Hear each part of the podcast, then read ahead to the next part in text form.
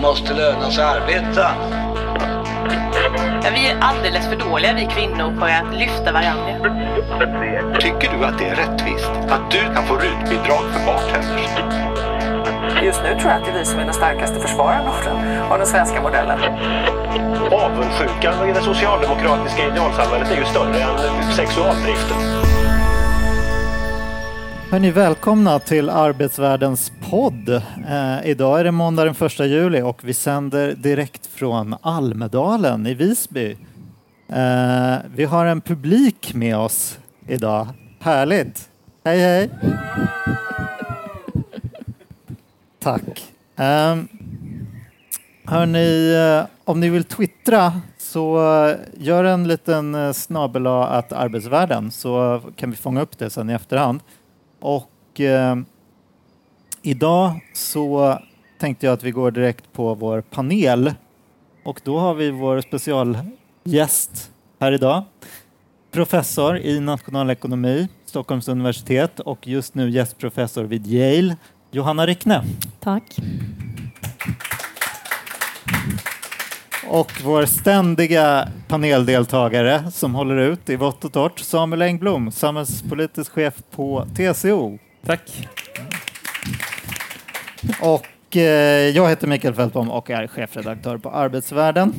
Jo, jag tänkte säga om dig Johanna att du är ju eh, inte bara forskare som forskar om, eh, du har forskat om kvotering, du har forskat om SDs företrädare, vilka de är. Du har forskat om sexuella trakasserier och eh, nyligen skrivit om RUT och du är inte minst vår krönikör i arbetsvärlden. Ja. Som ger oss lite inblick både i din forskning och eh, håller koll lite runt i världen. Och idag ska vi prata om eh, som jag skrev när jag spånade på den här eh, beskrivningen på Facebook. Feministiska problem på arbetsplatsen. Vi ska prata om sexist hostility. Vi ska prata om, eh, det här är dina ord, eh, negotiation and backlash against leaning in. Du ska du få berätta vad det betyder.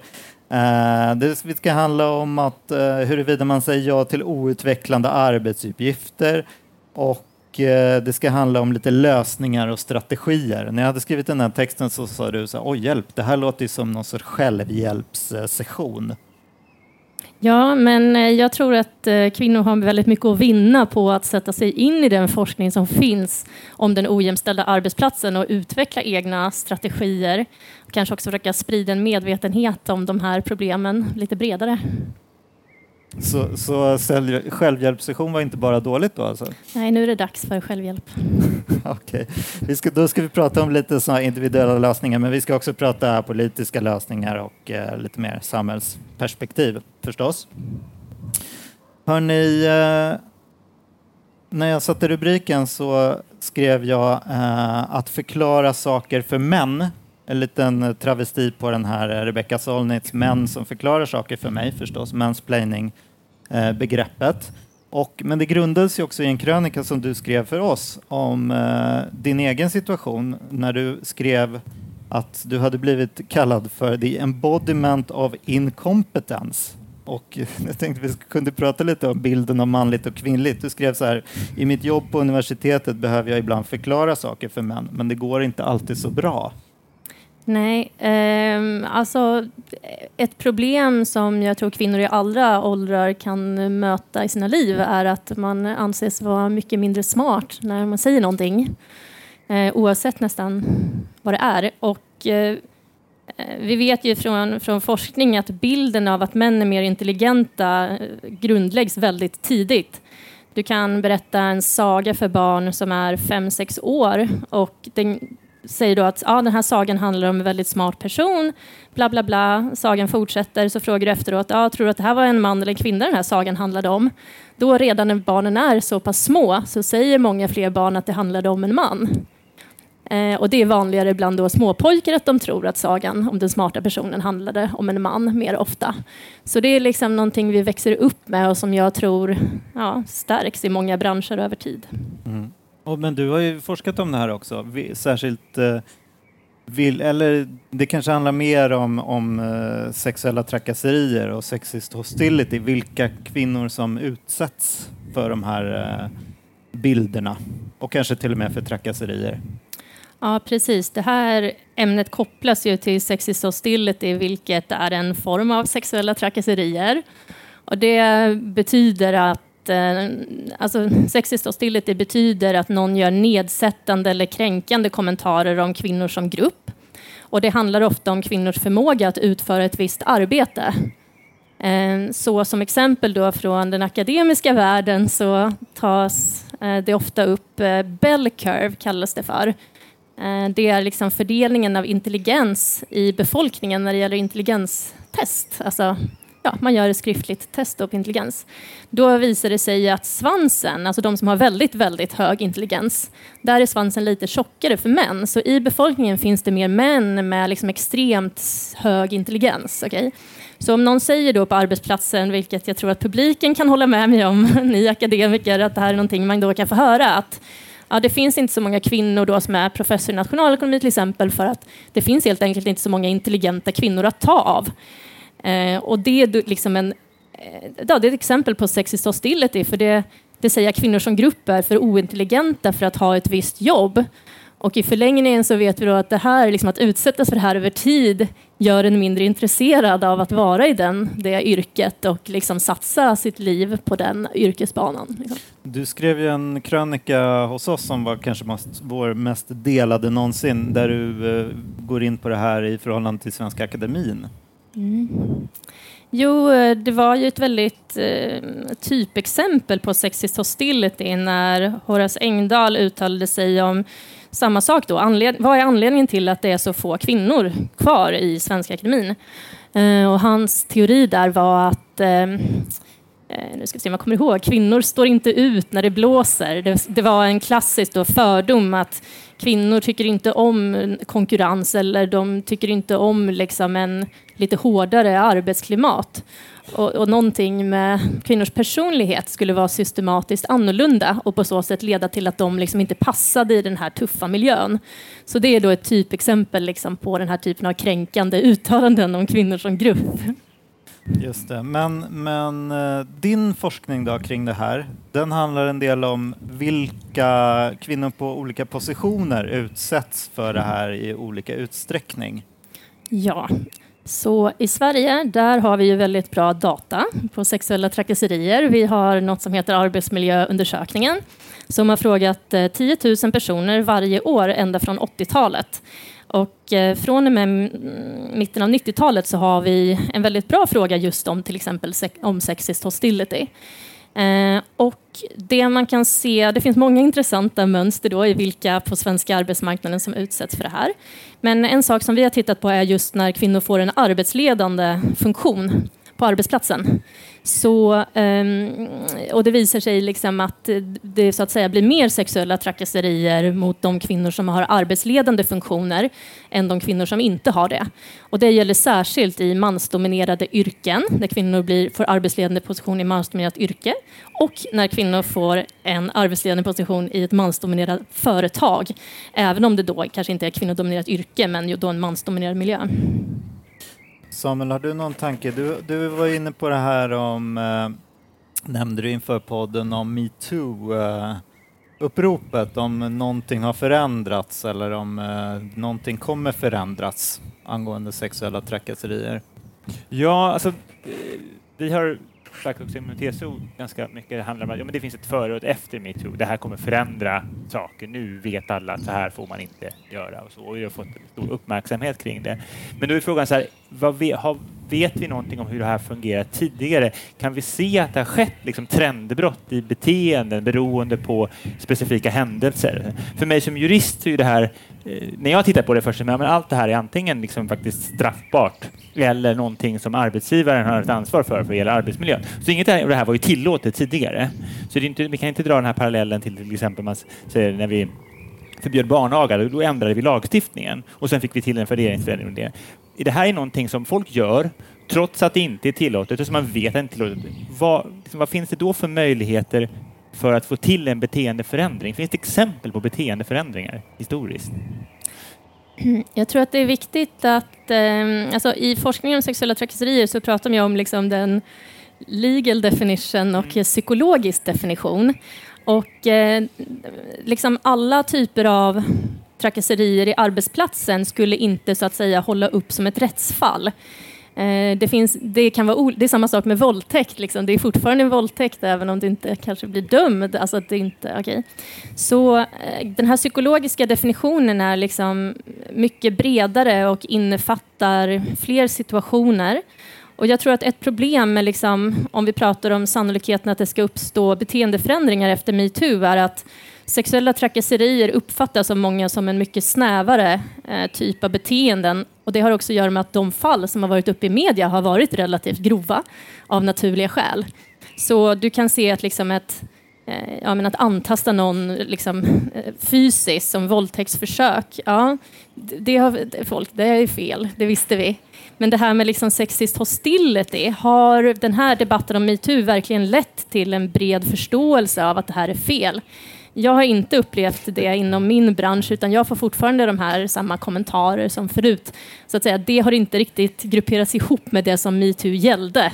För jag tycker ändå att många av de här uppropen var ändå en ganska liksom breda händelser. Inte bara det som är straffbart utan även mycket annat. Och jag tänker, vi, vi tog fram en, en handbok specifikt kring, och egentligen som en var, ny version av en tidigare handbok vi gjort till, mm. kring sexuella trakasserier. Och tittar man eh, på dem så är det ju så att det, det, är, ju, det är väldigt mycket beteenden som fångas upp eh, liksom på ett sätt, i vart fall i arbets, liksom arbetsgivarens ansvar. Men där är det liksom, åter frågan, kommer det här förändra någonting. Jag kan tänka mig i statistiken så kommer det från början kommer vi få se en ökning därför att man, man, man har uppmärksammats på att det här är beteenden som inte är okej. Okay. Fler kommer, när nästa gång Arbetsmiljöverket gör under, eh, uh, enkäten så är det mycket möjligt att fler kommer svara. Då kommer det se ut som att det blivit värre. Eh, men sen är frågan, kan vi, liksom, finns det hopp om beteendeförändringar? Har vi sett, finns det några historiska exempel på Ja, den eh, tydligaste historiska exemplet mm, är väl kanske barnagan. Mm. Den liksom som, eh, det har ju varit det var ju stora diskussioner i samtyckeslagen. Att mm. Hur påverkar liksom lagsidan förståelsen för att det här är liksom ett felaktigt socialt beteende? Jag kan liksom inte säga Eh, Eh, eller på samma sätt som liksom i förskolan, vi kan inte säga att ja, män kan inte ta hand om barn, de är så biologiskt sämre på att ta hand om barn. Eh, vi kan inte säga det, liksom, det är inte okej. Okay.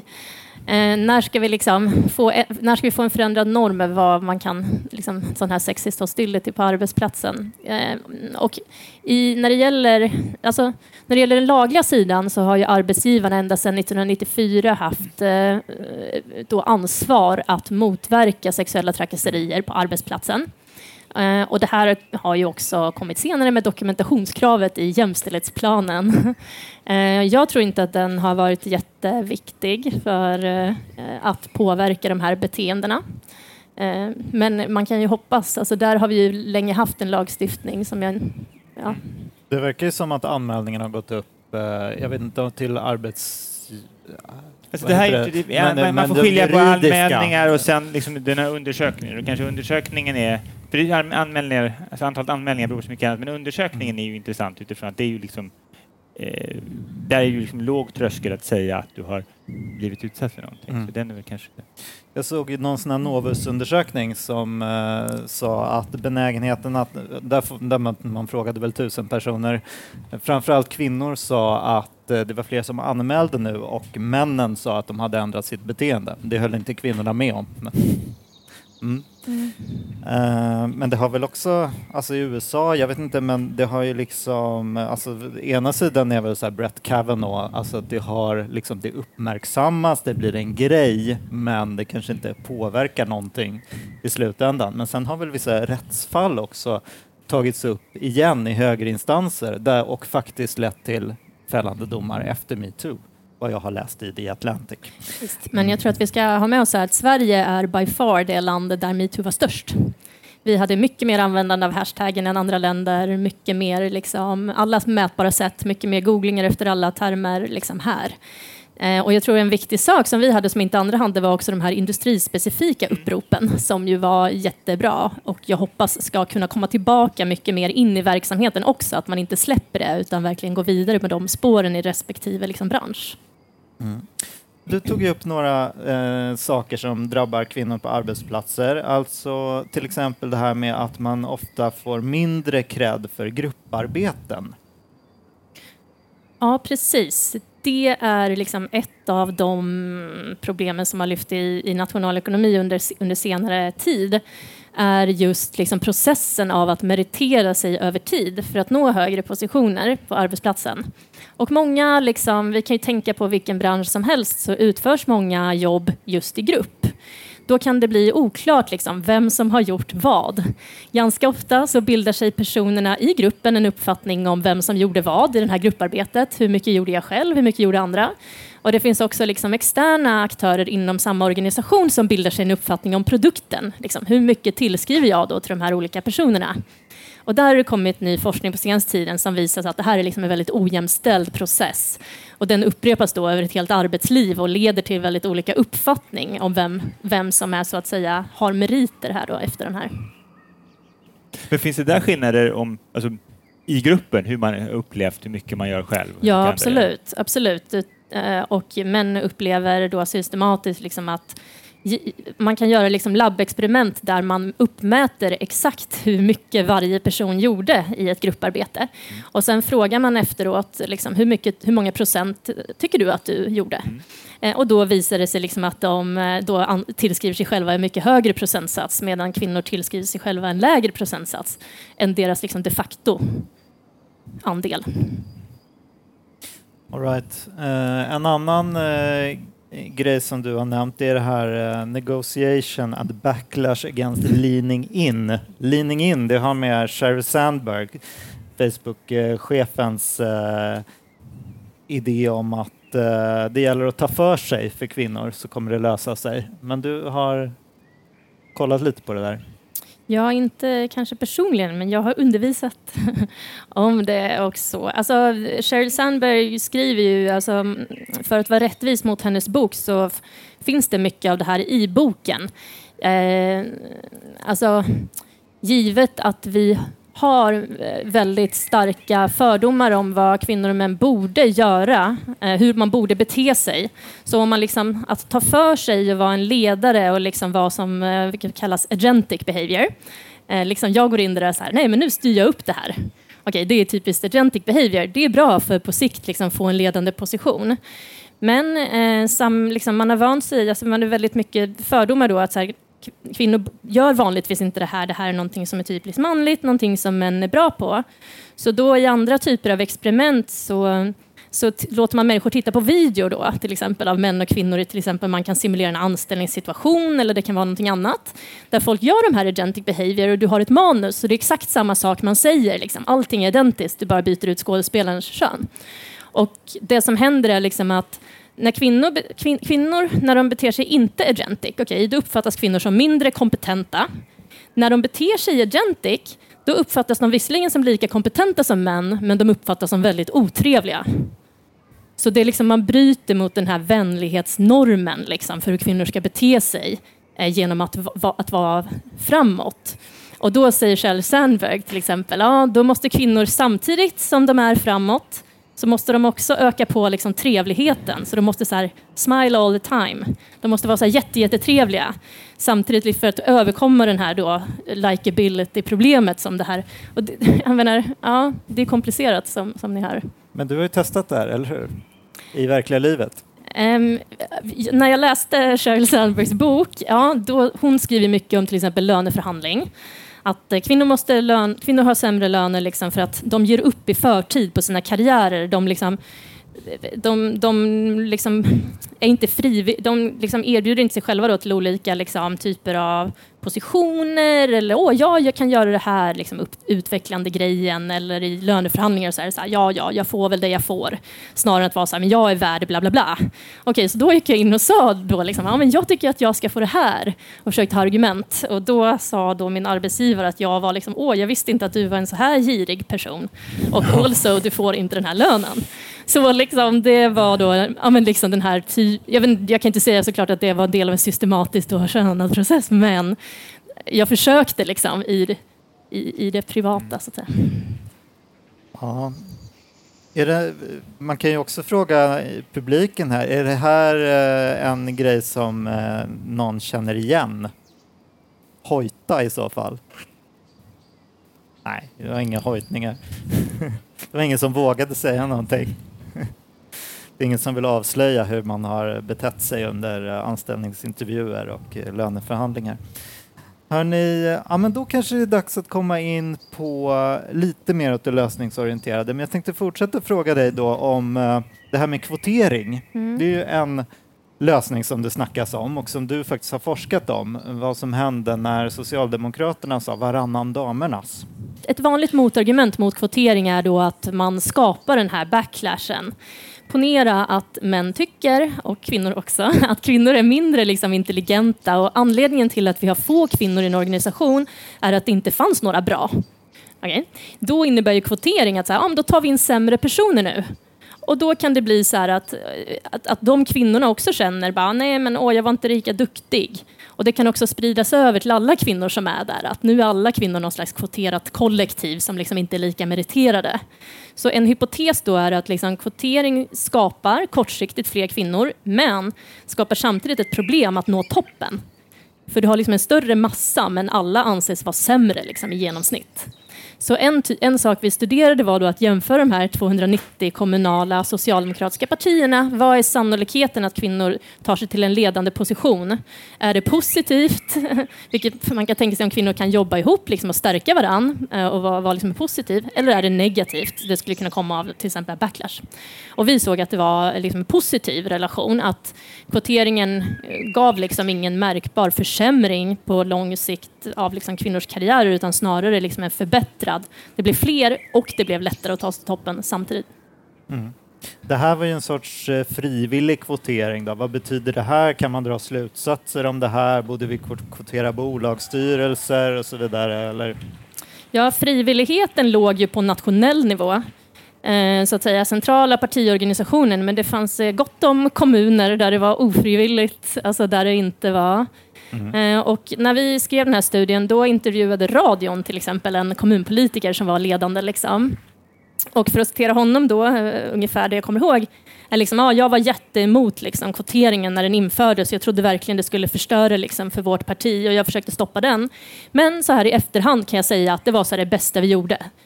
Det var liksom, vi fick så mycket nya intressanta personer och det blev liksom en, en verklig stärk, stärkte liksom vårt parti lokalt. Så jag tror inte vi ska se det som att det var frivilligt överallt heller då. Mm-hmm. Eh, Samuel, eh, du har ju varit inne på också att det finns en backlash idag mot Nej, alltså, jag- jämställdhet Ja. och många som säger att eh, det kan vara nog. Ja.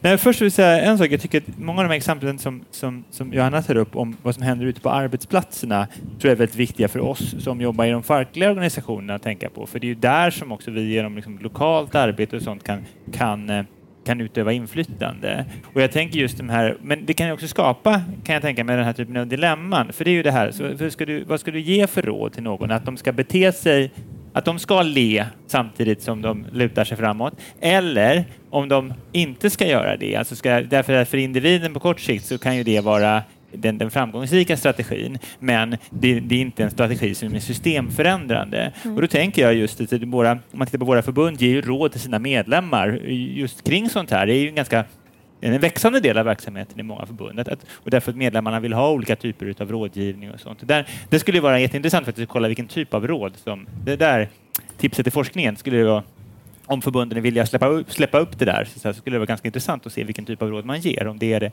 är det att, att, att, att, så så på kort sikt försöka maximera din egen nytta eller liksom att försöka förändra Mm. systemet. Men, det, men ja. vi kan vänta, ja men Ja. vi fortsätter på det här spåret med liksom mer företagsekonomiska historier på lösningar. Eh, du, du skrev en krönika hos oss också om att eh, PK gör dig kreativ, kallade vi den. Alltså att om man om människor förhåller sig till eh, en politisk korrekthet så kan det göra att eh, resultaten på en arbetsplats utvecklas positivt.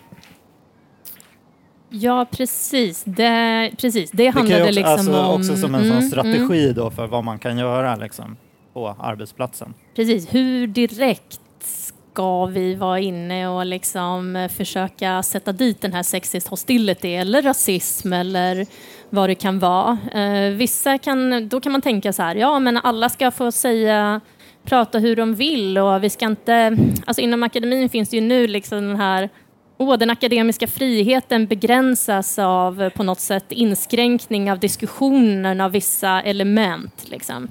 Eh, där då de här sexistiska och mer rasistiska sakerna vanligtvis liksom är det man, man avser. Så den här liksom intressanta då, jag tyckte den var intressant den här forskningen för då gav man just grupper den här restriktionen att nu ska vi först, ja vi ska inte nu ska vi liksom försöka att undanhålla, underhålla, undanhålla oss från att säga de här sakerna, till exempel kvinnor är mindre intelligenta, de vill inte ha jobb, de vill bara få barn, det är deras preferens, så här sexistiska saker. Eh, och det som man såg var liksom att det förbättrade kreativiteten väldigt mycket. Att om man vet då som, som en minoritet att man är skyddad från liksom den här typen av fördomar, åtminstone explicit, eh, så kan man vara mer kreativ och det leder i en positiv spiral. Liksom, att man känner, ja nu... Det är nästan som att man tar bort backlashen innan det händer. Jag vet inte hur man ska kunna se det. Att, eh, Samuel, eh, är, det, är det här något man kan eh, använda på arbetsplatser? Ja, men det kan man säkert göra. Alltså jag, det, jag tycker att det finns en... Eh, vi, jag kommer ihåg, jag var ju ute, för den första gången vi publicerade den här handboken om sexuella trakasserier så var jag ute rätt mycket, för jag, var- då var jag den som liksom tog ut den i, i förbunden och sådär. Och det var ganska intressanta diskussioner ute där apropå, ska man ha den här typen av diskussioner, vad är okej okay att göra på en arbetsplats och så. Eh, det man måste komma ihåg där är ju att då handlar ju inte, syftet med den diskussionen kan då inte vara att vi ska resonera fram till någon gemensam nämnare, utan det är liksom du ska skapa ett klimat där ingen känner sig utsatt. Alltså jag, jag, alla ni tycker att det här är okej, okay, men jag blir utsatt för det här tycker inte det här är okej och då är det inte okej. Nej, Ja. Det det, är- det var en av de här, få sakerna, de här sakerna som vi verkligen fick resonera ibland nu med, med folk kring. Liksom, nej, det är inte så att ni ska komma överens om gemensamma spelregler. Nej, ni ska, komma ni ska se till att ni har en situation där, ing, där alla får ha sina spelregler. Liksom, som inte, för, för att vi, vi, vi har den här ribban ligger olika för olika människor och sånt. Så det, bra. eh, och, och den där forskningen, den artikel jag läste i din krönika, jag tyckte den var väldigt intressant just för att man då man går in före men det här gick man in före, precis inför en speciell Ja. situation. Va? Eh, och det är klart att den... Du frågar hur länge hänger det där med?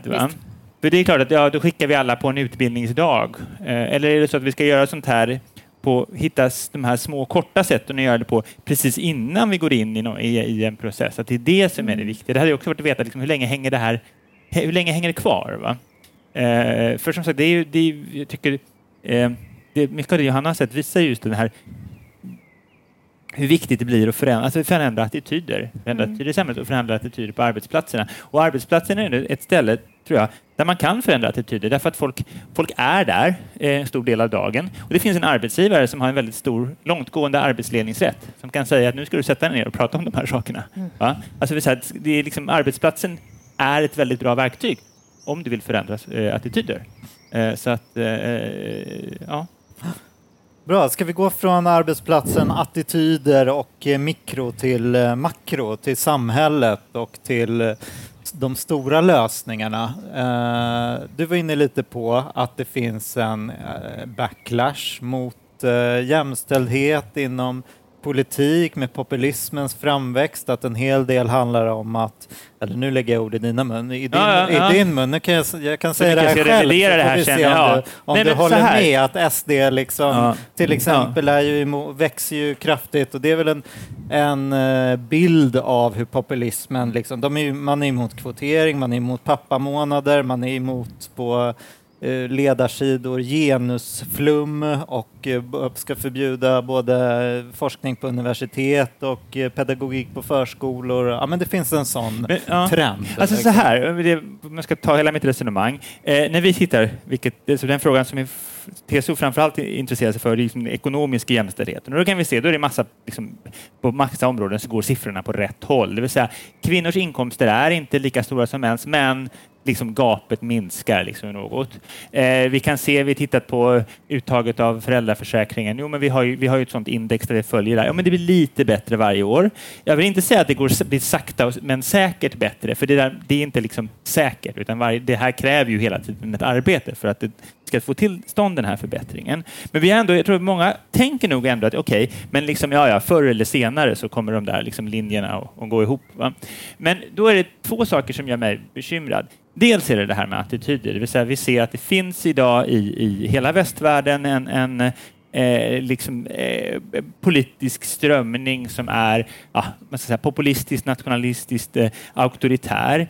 Eh, där då främlingsfientlighet är givetvis en del av liksom den gemensamma nämnaren där. Men en annan viktig gemensamma nämnare, som man också ser när man mäter värderingar hos de här partiernas väljare, det är att man på något diffust sätt tycker att jämställdheten har gått för långt. Man kanske inte alltid kan definiera det, men den har gått för långt. Va? Och jag tror att det är också det som Johanna pratade om, det här liksom lite motreaktionen mot då, på, på universiteten kommer också ur det där. Ja, men, så.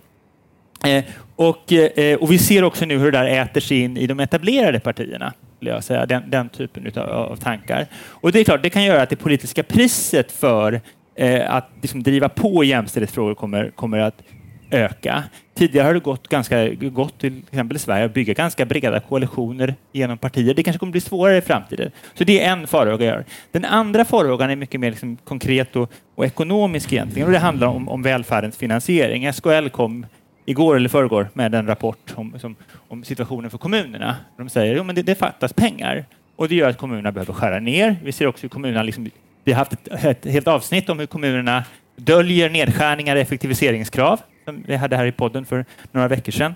Eh, och det är klart att, att mycket av den, och liksom, vi ska komma ihåg att välfärdens utbyggnad på, på liksom 60, 70, 80-tal var en väldigt viktig jämställdhetsreform. Alltså att, att om, om, försk om det finns förskola och barnomsorg och den är så bra att jag vill lämna mina barn där medan jag jobbar heltid, ja, då är det en viktig förutsättning för ett jämställt arbetsliv.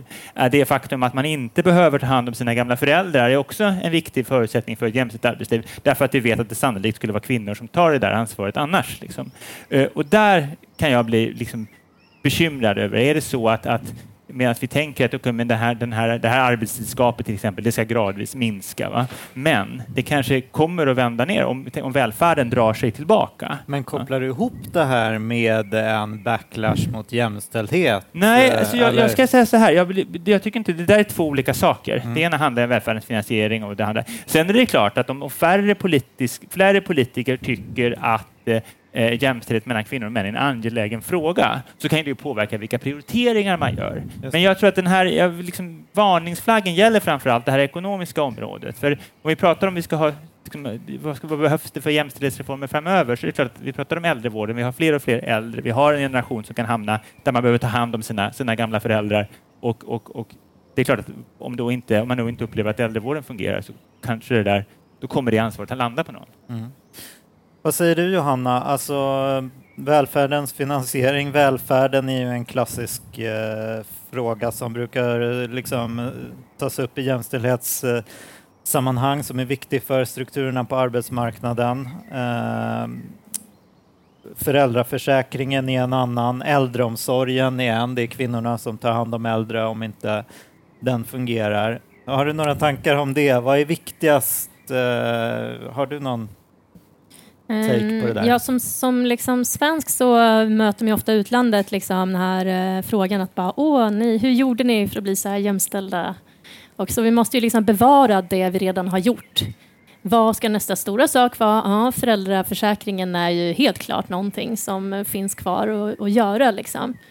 Men jag tror också när det gäller eh, de här populistiska partierna och liksom etablering, alltså hotet mot, eh, vad man ska säga, mot jämställdheten. Där tror jag att det finns liksom vissa missuppfattningar om hur mycket sämre det har gått för männen i dagens ekonomi som vi skulle behöva prata mer om. Eh, jag tror att många av de här populistpartierna de stöds av grupper som tycker att samhället är på väg åt fel håll och det var bättre förr för eh, liksom, den gruppen som jag tillhör. När vi, liksom i våran, min egen forskning, då har vi tittat så här, var det bättre förr för dem? Nej, det var det till exempel inte i många fall. Eh, för när vi hade en, till exempel när vi hade en situation av att liksom mannen skulle vara familjeförsörjare och männen som hade låg lön eller låg liksom förmåga att tjäna mycket pengar, de fick inte gifta sig förr. Nej.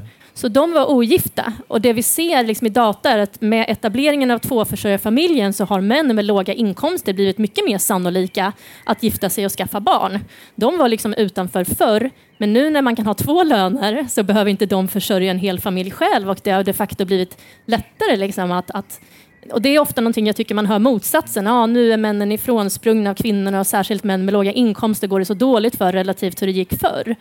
Men eh, jag, jag, ja, och det var också min ingång själv och det var inte det som vi liksom såg. Bra, intressant. Det visste inte jag. Så att det är skillnad på bilden av att eh, man kanske har lättare att få en bild idag av att kvinnor tar sig in på universitet och höga tjänster och tar liksom kakan från männen. Men om man tittar på en del hur det ser ut i till exempel familjebildning så är det, så är det framsteg för till exempel då lågutbildade män. Precis, exakt. Och när, liksom, givet att du är mm, okay, låg, utbild, ja, låg, låg inkomst. Problemet med att, jag tror att problemet med den här bilden har etablerats delvis för att man har tittat just på utbildning. Men gruppen som har lägst utbildning har krympt väldigt mycket över tid. Det är färre som liksom inte går ut gymnasiet eller som bara har låg... Så det är det att liksom, om vi tittar bara på den gruppen, ja då har sannolikheten att gifta sig gått, eller skaffa familj gått ner lite grann. Men den gruppen har också typ halverats i storlek. Det är helt andra människor vi pratar om. Tittar vi istället på de män, 20 procent männen med lägst inkomst så ser vi det mönstret som jag. Och det är ju en konstant, kan, det är ju Ja, konstant över just det. tid. Så det är mycket bättre sätt att liksom titta på de här förändringarna. Däremot, okej, när en man med låg inkomst väl skaffar en familj, ja, då är han inte familjeförsörjare så som han var på 70-talet. Då kände liksom en man i de lägsta 20 percentilerna fortfarande mer än 60 procent liksom, genomsnitt av familjens inkomst. Idag så är det liksom två, så delar man. Och det tror jag vi också behöver se liksom som en det här är ju en klassiker, men liksom att en vinst, att männen ändå, då kan man skaffa liksom relation med barnen och tvåförsörjarfamiljen har gett män tillgång i Sverige till helt andra typer av så här mänskliga värden och relationer som de faktiskt inte får ha i många andra länder, för det är inte så här socialt acceptabelt. Mm. Bra, kan vi, vi kanske kan avsluta lite grann med att se om vi kan lyfta någon eh, ny, om det finns någon, det är Samuel som vill efterlysa en ny eh, jämställdhet politisk fråga som liksom kan, vi, vi, vi känner ju till de här frågorna som, och de är jätteviktiga liksom med eh, äldreomsorg, föräldraförsäkring, barnomsorg, välfärdens finansiering. Det är de vi brukar prata om när vi pratar om jämställdhet. Finns det någonting utöver det? Finns det någonting nytt? Det var väl lite det du var ute efter Samuel? Ja, nej, men det är väl en, så här, en, en, den ständiga jakten på, på nya bra förslag som går att genomföra politiskt. va? Och som du säger, då har ju vi, om man tittar på vad, vad, liksom, det, liksom, vad säger internationell expertis om vad ett land bör göra för att få en mer jämställd arbetsmarknad, så har vi liksom gjort eh, många av de här sakerna. Liksom, vi har byggt ut, eh, eh, vi, har, vi, har, vi införde särbeskattning, vi har byggt ut barnomsorg och äldreomsorg och sådana här saker. Sen som, som sagt, där är jag lite oroad då just på den välfärdsverksamheterna, vad som kan hända där. Men, men man, eh, och sen har vi det, den stora frågan som alla diskuterar är föräldraförsäkringen och det är klart att den här, de förändringar man har gjort i föräldraförsäkringen med öronmärkta månader har haft vissa effekter. Samtidigt finns det en grupp män som vi inte kommer åt med det. Jag menar, vi ser också det i våra sådana där index när vi följer att det finns ju ändå, fortfarande så finns det en grupp som nästan inte tar någonting. Va? Eh, vi har också tittat eh, i en eh, rapport som kom förra året. Där nöjde vi oss då inte med att bara titta på dagar som man tar ut. För, för arbetsmarknaden kan det ju viktiga vara hur länge man är borta från, arbets, borta från arbetslivet. Det är ju det som kanske påverkar dina chanser sen på arbetsmarknaden. Och där kan vi se, där är det då blir ju gapet ännu större. Det vill säga att kvinnor är borta längre för de dagar de tar ut. Liksom så. Eh, eh, eh, men klart, där finns det, vi, vi, har först, vi har sagt att vi vill ha en tredelning av föräldraförsäkringen och också en del andra sådana förändringar. Men man skulle vilja liksom, men det, det är också en fråga där många sitter, politikerna sitter i sina skyttegravar vad gäller, vad gäller föräldraförsäkringen. Alla har en bestämd uppfattning om det där. Och då skulle man vilja hitta liksom den där frågan som ingen har tänkt på. Va? Men får jag Den där reformen. Ja. Får jag liksom sticka in en fråga Ja. till dig här? Mm. Eh, för någonting som jag har varit intresserad av och sett liksom på senare tiden är att liksom mer, alltså mer undersökningar av hur företagen och arbetsplatserna mm, eller liksom hanterar män och kvinnor som, som blir föräldrar och eh, att det kan finnas saker att göra just på arbets... Alltså det jag såg till exempel en studie, då gjorde man enkäter så här, från dess att man blev gravid och man berättade då på arbetsplatsen att det här, nu ska jag få barn. Då mätte de då liksom varje månad hur man ansåg att arbetsplatsen behandlade en. Liksom. Blir du kallad till möten? Känner du liksom att de pratar med dig om din framtida karriär och så?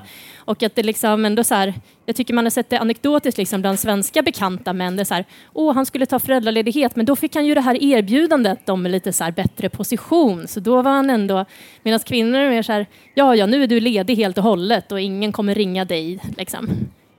Att, att, jag vet inte om, det, om Nej, ni känner jag, igen. jag, kan, jag kan tänka mig, alltså just det här eh, här, det finns en ren optisk fråga här också, det vill säga en kvinna som är gravid, det syns efter ett tag. Och då, liksom, då kan jag tänka mig, kommer det då in psykologiskt att, att det här, vänta nu, den vet att påminnelsen om att den här personen kommer vara borta här om ett tag. Va? Och då lägger jag inte på de här uppdragen, eller då kommer inte den befordran. För män, även om, du, även om en man som har berättat att de kommer få barn snart, så, så tänks inte det på samma Nej. sätt.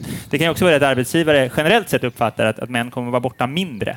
Ja? Kvinnor som Mm. kan förväntas ha ett par barn de närmaste åren. Mm. Det var ju också det vi visade när vi började titta på det, hur länge man är borta från arbetsmarknaden. Det blir så Precis, mycket man är precis. borta under en period. Män uppfattas, även de männen då som tar lika mycket, uppfattas ju eh, som en mindre risk därför att man, man tror att de kommer ta mindre. Mm. Eh, En intressant sak vore också hur ofta tar man in en vikarie för någon som är föräldraledig? Gör Mm. man det alltid? Eller gör man, alltså, hur tänker man? Det finns, det finns mycket där i de här Mm. månaderna innan och arbetsgivarens beteende som skulle vara väldigt intressant att, att, att, titta på. Verkligen.